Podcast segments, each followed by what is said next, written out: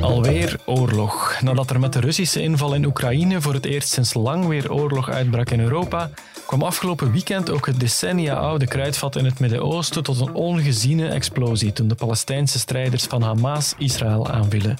Israël kon niet anders dan reageren en hoe groot de gevolgen zullen zijn, is op dit moment moeilijk te voorspellen. Groot waarschijnlijk. Voor de Palestijnen, voor de rest van de wereld en voor de oorlog in Oekraïne misschien ook.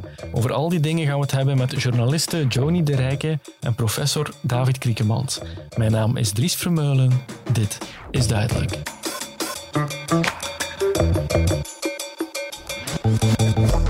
Duidelijk, de morgen.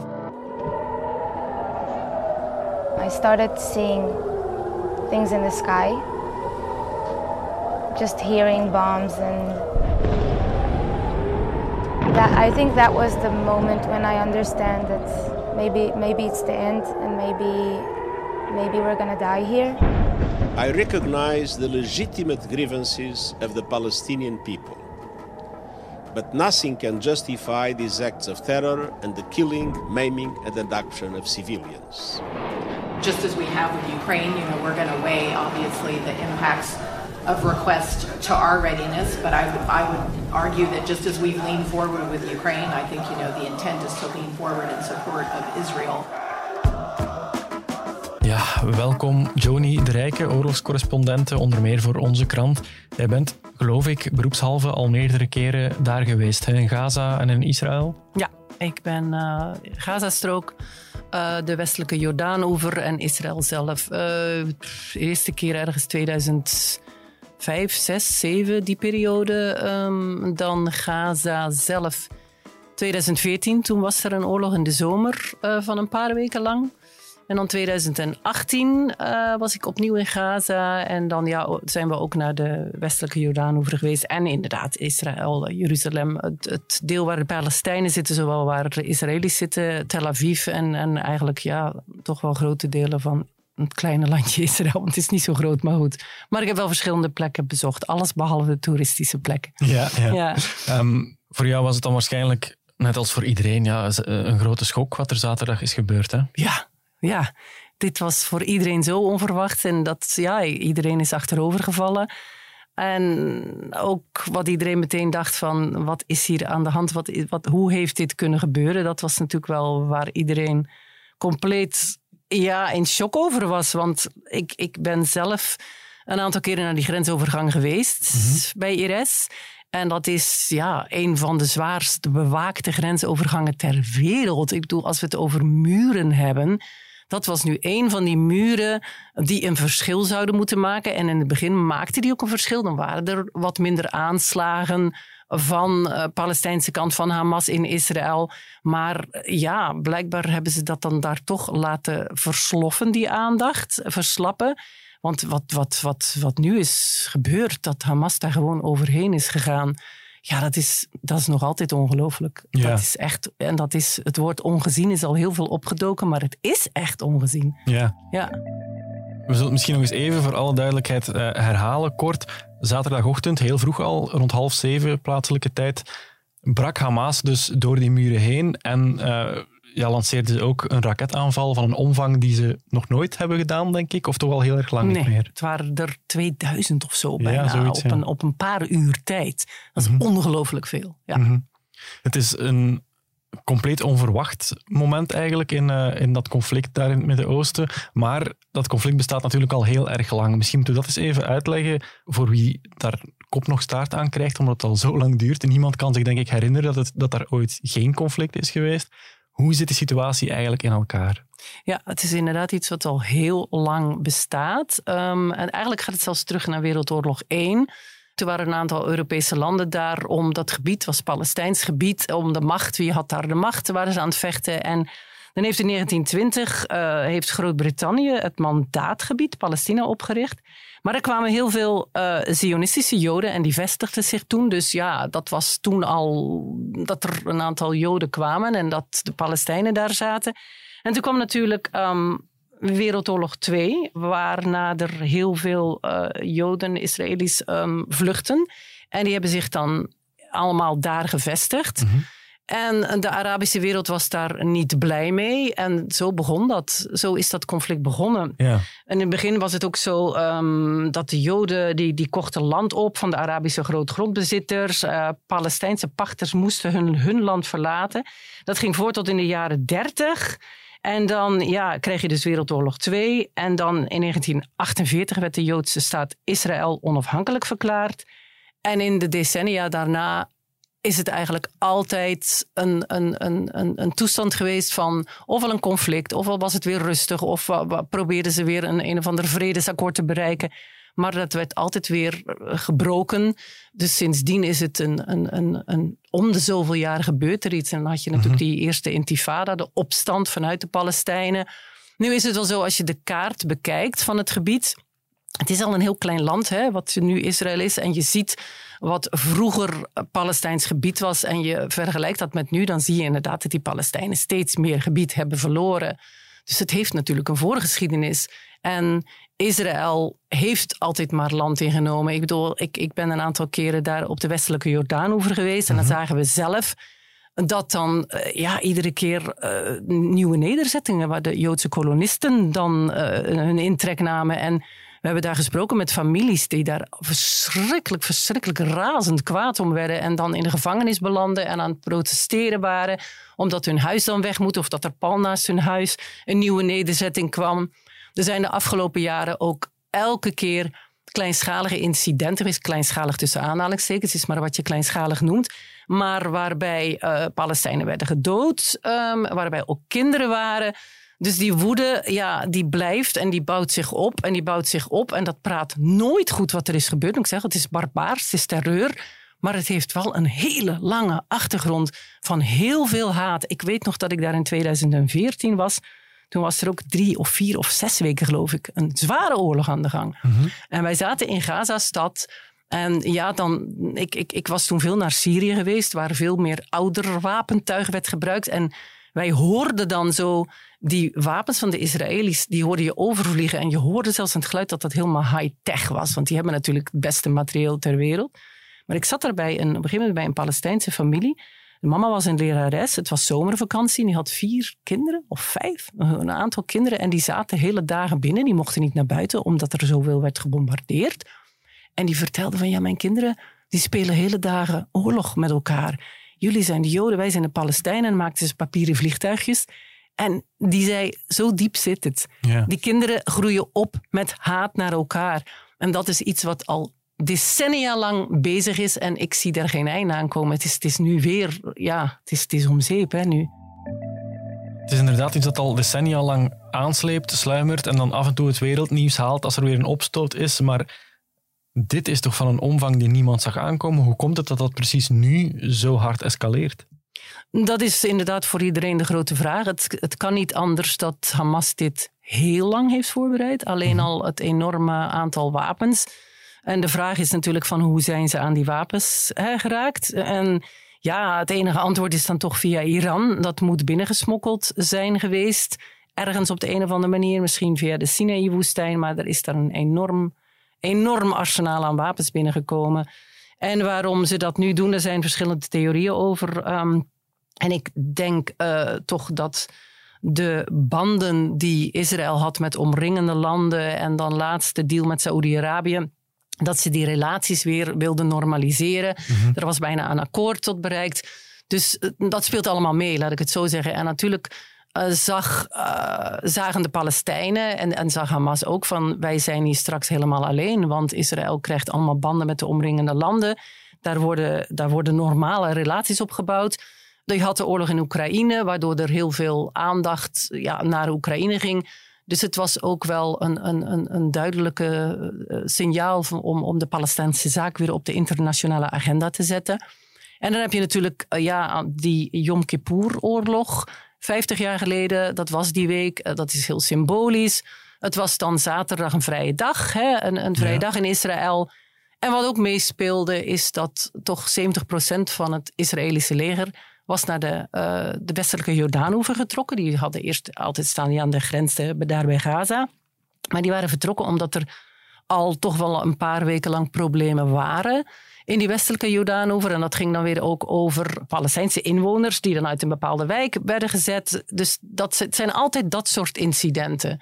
Maar er was dus een groot deel van het leger vertrokken. Dus ja, alles bij elkaar was dit blijkbaar de timing. Maar ze moeten het ontzettend lang hebben voorbereid. Ja. Ja. Uh, ja, niettemin, je zei het zelf ook al, Israël heeft een van de meest ontwikkelde legers ter wereld. Uh, die zijn op dat vlak veel machtiger dan de Palestijnen. Hamas weet dat ook. Waarom nemen ze dan zo'n groot risico door, door Israël op deze manier ja, te, bijna te dwingen tot een tegenaanval? Eh, ze hebben niks te verliezen. Ik denk dat het pure, net is geen wanhoop, um, en eigenlijk ook wel.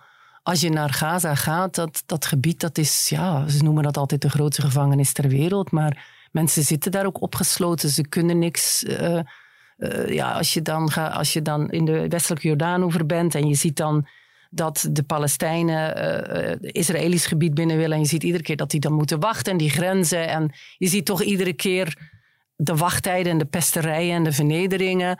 Ja, waarom doen ze dit nu als, als, als daad van ultiem verzet? En ook omdat ze niks te verliezen hebben. Want het is zoals je zegt, wat gaan ze doen de komende weken? Is er alles een troepenmacht aan het opbouwen van 300.000 reservisten? Ja. Waar ga je daar tegen beginnen? Mm -hmm. Kun je niks tegen beginnen, hè? There's no justification for terrorism. There's no excuse. Hamas does not stand for the Palestinian people's right to dignity and self-determination. L'Allemagne et la France se tiennent en effet ensemble aux côtés du peuple israélien dans ce moment tragique. La lutte contre le terrorisme est une cause commune que nous continuerons de porter avec Israël et tous nos alliés. So in this moment, we must be crystal clear. We stand with Israel.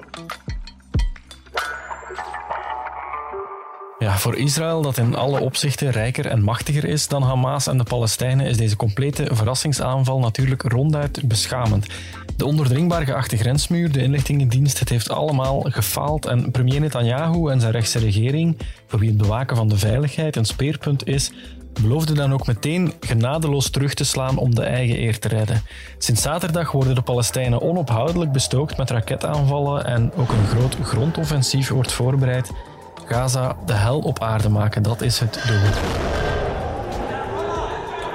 De humanitaire consequenties daarvan die zijn nu al verschrikkelijk. Honderdduizenden Palestijnen zijn dakloos en op de vlucht. En nu is de vraag hoe die oorlog verder zal evolueren en wat de internationale gevolgen kunnen zijn.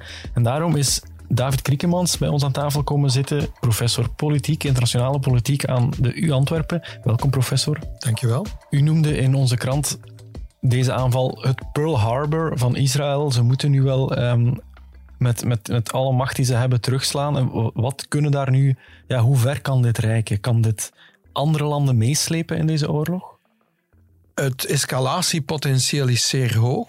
Mm -hmm. uh, waar realistisch is, hè, is dat bijvoorbeeld Hezbollah begint met raketten te schieten ten aanzien van uh, Noord-Israël. Of dat er andere dingen gebeuren. Iran is nog altijd actief op het territorium van Syrië. Dat er daar bepaalde infiltraties zouden gebeuren. We denken nu al dat er, um, als je, je kijkt hoeveel raketten Hamas kan afschieten, ja, dan stel je toch stil aan de vraag ja, of dat er toch ook geen reële materiële steun van Iran gegeven wordt. Ja, het gaat echt om duizenden raketten. Hè? Waar komen ja. die plots vandaan? Wel, Netanyahu zou kunnen beslissen tot een gerichte militaire actie tegen Iran. Mm-hmm.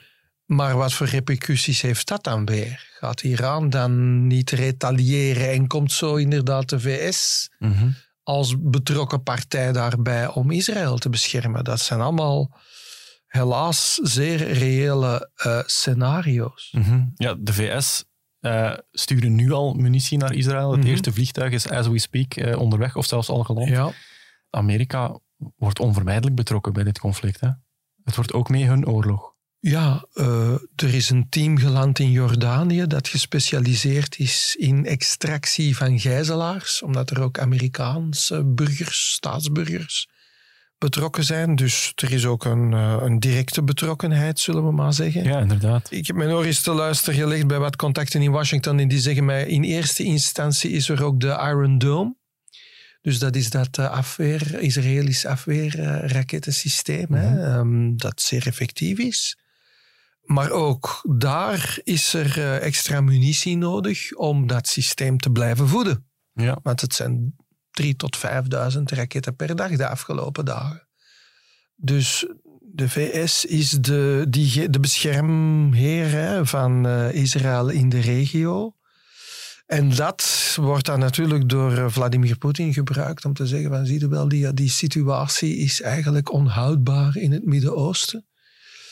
Dus je ziet ook wel dat alles met alles zowat uh, dreigt uh, verbonden te raken. Ja, want we zouden het hierdoor bijna vergeten, maar er is nog altijd een oorlog in Oekraïne ook. Mm -hmm. wat, wat kunnen de gevolgen daar zijn van wat er zich nu in het Midden-Oosten afspeelt? Ja, er is een indirecte link natuurlijk. Ik denk dat het de bewuste politiek is van de Russische federatie om ten eerste tijd te winnen. Hè. Uh, mensenlevens spelen daarbij wat minder een rol, maar men gokt dat eens de Amerikaanse presidentsverkiezingen, we zijn er eigenlijk bijna in volle race mm -hmm. komen, uh, dat er, uh, en dat is ook al bezig, zeer openlijke vragen komen, wellicht langs de kant van de Republikeinen, over ja, moeten we die steun nog wel geven aan Oekraïne? Dus het is gewoon tijd winnen voor de Russische federatie. En dan denken we toch wel, als Hamas uh, Moskou bezocht heeft en daar een lang overleg heeft gehad met Lavrov, de Russische buitenlandminister, mm -hmm. dat er op de, op de minstens toch wel wat notities zijn uitgedeeld over de internationale politiek. En dus dat Rusland, en ook als je ziet wat er op dit moment aan het uh, gebeuren is uh, in, in Afrika, in Niger is nu weer het volgende land waar er nog wat Amerikaanse troepen zijn die misschien straks zouden gaan vertrekken. Waarbij dus overal Rusland probeert, via, ook via proxies, hè, via andere entiteiten. Vroeger was dat de Wagner-groep, maar dat kunnen er ook andere zijn. Instabiliteit te creëren.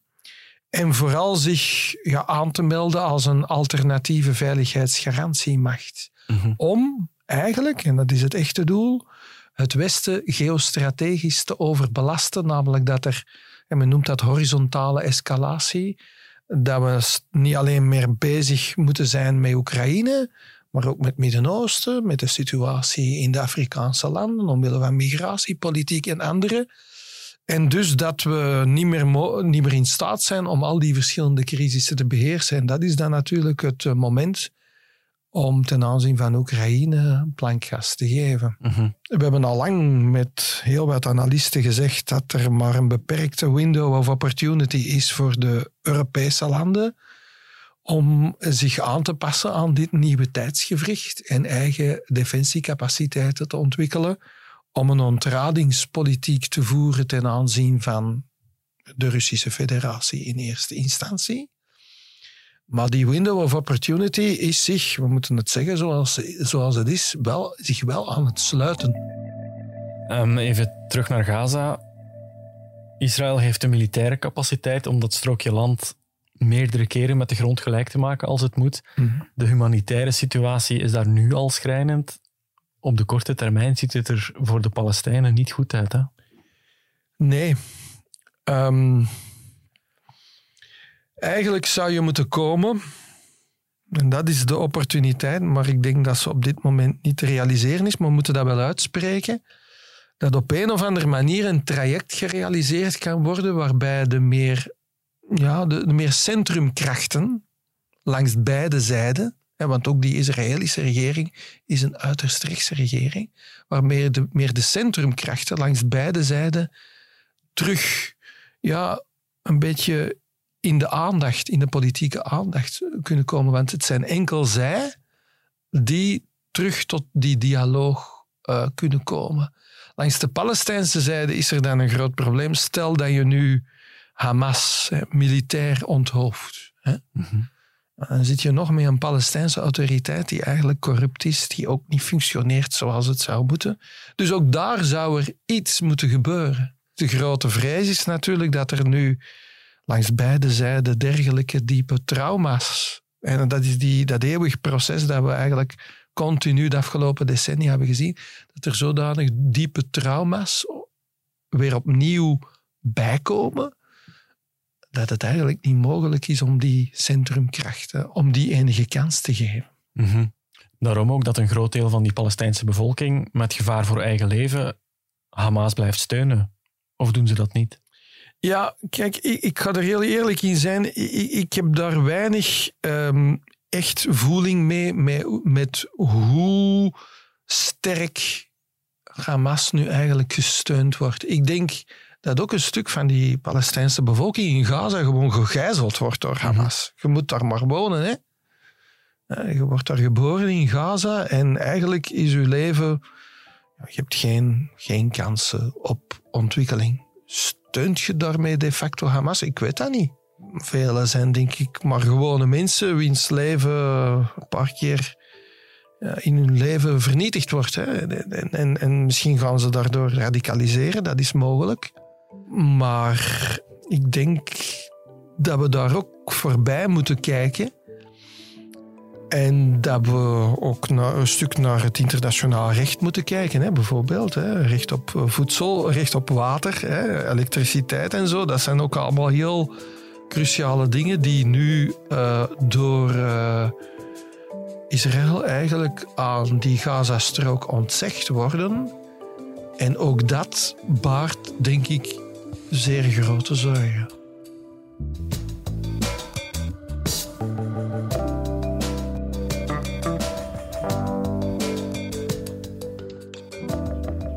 Johnny, hoe gruwelijk het ook allemaal is wat er zich momenteel afspeelt in Israël en in Gaza, je kan in elk geval niet zeggen dat het status quo nog langer behouden blijft. Het is ontploft, er wordt oorlog gevoerd nu. Geloof jij dat dit misschien op, op de gruwelijke wijze die het is een doorbraak kan zijn en misschien voor een einde zou kunnen zorgen op termijn in dit conflict? Nee, dat, dat krijg je nooit weg. Je kunt Hamas uh, volledig uitroeien, maar dan staan er weer andere strijders op en het blijft. Het zit zo diep geworteld dat ik ervan overtuigd ben dat je dit niet kan uitroeien. Dat is het grote probleem. Mm -hmm. Um, er is natuurlijk ook heel veel steun voor de Palestijnse zaak. Uh, um, niet voor Hamas. Er is steun voor Hamas, maar laten we hè, niet voor, voor, wat die nu doen. Maar die steun voor die Palestijnse zaak, die zal daardoor niet afnemen. Nee, ik denk dat je het nooit kan wegkrijgen. En dat er, dat er weer nieuwe uh, Hamas-leden, extremisten zullen opstaan. Dus dat is een verhaal wat niet afgelopen is. En dat is helaas al zo lang aan de hand. Het is vast. Er werd ooit gesproken van een twee-staten-oplossing. Ja, dat is nu natuurlijk helemaal van de baan. Dus ook dat is geen optie meer. De, de bedoeling was dan dat, dat ze naast elkaar zouden bestaan. Een Israëlische staat en een Palestijnse staat. Ja, ja. Maar ja, dat is nu, dat is nu gewoon van de baan. Dat is helemaal ja. van de baan, ja. ja. Nu, wat zich daar nu afspeelt in Israël en in Gaza laat niemand onberoerd, denk ik, over de hele wereld. We zien de gruwel die Hamas aanricht bij de Israëli's, maar we zien ook de Palestijnen lijden onder de tegenaanvallen. Dat weekt heel veel emoties los bij iedereen. Ook heel veel discussie, ook bij ons. Dat is echt opvallend. Dat, ja, dat, het verdeelt de wereld echt, hè, ook hier. Heeft het altijd gedaan. Het is altijd heel gevoelig geweest. Maar het is exact zoals je zegt, als je de beelden ziet aan beide kanten, mm-hmm. is het allebei even beestachtig. Ja. Geen ander woord voor. En dat is het trieste eraan. Het, het, het, het escaleert eigenlijk alsmaar verder. Het wordt alsmaar vreder. En het verdeelt inderdaad de wereld. En mensen uh, ja, zijn allemaal geschokt door wat er nu is gebeurd. Hè, en door de manier waarop het is gebeurd. Maar er is ook nog altijd heel veel sympathie natuurlijk. Dus het is heel vaak of je bent voor of je bent tegen. Mm-hmm. Dus het verdeelt absoluut de wereld. En dat is, uh, ja, dat, ik, ik, zie dat, uh, ik zie dat voorlopig ook niet goed komen. Nou ja, Joni, tot slot. Um, ik ken jou als iemand die, als er iets zoals dit gebeurt, iets van deze omvang, dan wil jij daarbij zijn. Je bent de voorbije twee jaar meermaals in Oekraïne al geweest. Ga je ook naar Gaza? Ja. Ja, Gaza kom je niet binnen, nu. Oh, absoluut niet. Lukt niet. Um, ik ben natuurlijk met allerlei collega's hele dagen aan het bellen op het moment. Het is nu heel moeilijk om binnen te komen. Dat kan over een paar dagen wel anders zijn. Maar ehm, ja, als dat grondoffensief begint, zou ik wel willen gaan. Maar Gaza is compleet geblokkeerd nu. De westelijke Jordaan over trouwens ook. Maar we zullen zien hoe het verder gaat. En het is op momenteel ook nog heel moeilijk om binnen te geraken. Dus uh, wacht het nog een paar dagen af. Wees voorzichtig in elk geval. Ga ik doen. Dankjewel, Joni. Graag gedaan. Ik bedank ook professor David Kriekemans en u, beste luisteraar, natuurlijk ook weer bedankt om erbij te zijn. Merci ook nog aan mijn collega's Laurien Verreken en Sam Vijs voor hun hulp bij deze aflevering. En dan verwelkom ik u heel graag volgende week opnieuw voor een nieuwe aflevering op donderdag. In de tussentijd kunt u ons altijd bereiken via podcasts.demorgen.be. Graag tot volgende week. Dit was duidelijk. Duidelijk. De morgen.